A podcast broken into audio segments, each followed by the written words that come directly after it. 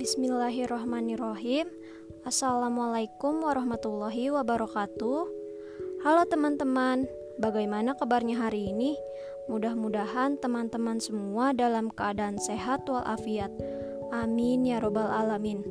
Balik lagi dengan podcast saya Satira Rifka Ajani dengan NIM 1902864 dari Departemen Pendidikan Kewarganegaraan Fakultas Pendidikan Ilmu Pengetahuan Sosial, Universitas Pendidikan Indonesia, kelompok 8. Dalam podcast ini, saya akan memberikan komentar terkait presentasi yang disampaikan oleh kelompok 21, mulai dari segi podcast, salindia, dan makalah. Dari segi podcast, eh, podcast dari Teddy ini sebenarnya sudah cukup bagus hanya saja suara Teddy terlalu dekat dengan mikrofon sehingga terdapat suara-suara yang mengganggu uh, dan suaranya pun terdengar sangat jelas. Selain itu, cara bicaranya terlalu cepat pada awal-awal pembahasan. Lalu dari podcast Ajeng juga suaranya sudah sangat jelas dan jernih. Tetapi pembawaan podcast Ajeng terkesan banyak jeda-jedanya. Selain itu, ada beberapa kalimat yang harus dijelaskan kembali oleh Ajeng, seperti contohnya HTS itu apa, dan masih ada beberapa kata lagi.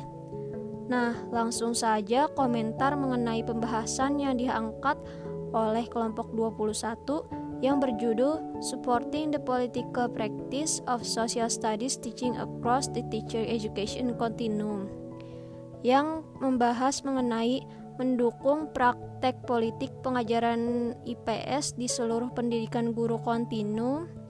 Dalam hal ini di mana para guru dituntut untuk dapat mengajar dan memahami para pelajar melalui praktek politik dalam pengajaran IPS di seluruh pendidikan guru kontinum yang meliputi mendukung praktek politik pengajaran sosial di seberang pendidikan kontinum guru keniscayaan kegiatan politik di pengajaran sosial, konteks kebijakan negara, konteks kelembagaan lokal, membingkai pengajaran politik ilmu sosial, mendukung politik positif sosial pengajaran, berunding sumber dan konsekuensi dari otoritas dalam konteks perlayanan atau prajabatan, jaringan untuk negosiasi kontrol institusional dalam konteks dalam layanan, mendukung praktek politik dalam pengajaran studi sosial uh, dan dan sebagainya.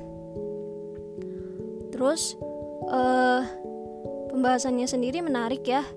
Uh, dan saya setuju jika pembahasan yang diangkat oleh kelompok 21 ini jika diterapkan di Indonesia agar pelajar dan guru ini tidak buta terhadap politik. Itu tadi komentar yang saya ingin sampaikan kepada kelompok 21 tidak lupa saya berikan pertanyaan untuk kelompok. Uh, nah, pertanyaan untuk kelompok 21 yaitu menurut kelompok pengetahuan tentang politik itu idealnya diajarkan sejak uh, pendidikan tingkat apa? Apakah dasar, menengah, atau perguruan tinggi? Dan tolong uh, uh, jelaskan alasannya kenapa. Terima kasih. Wassalamualaikum warahmatullahi wabarakatuh.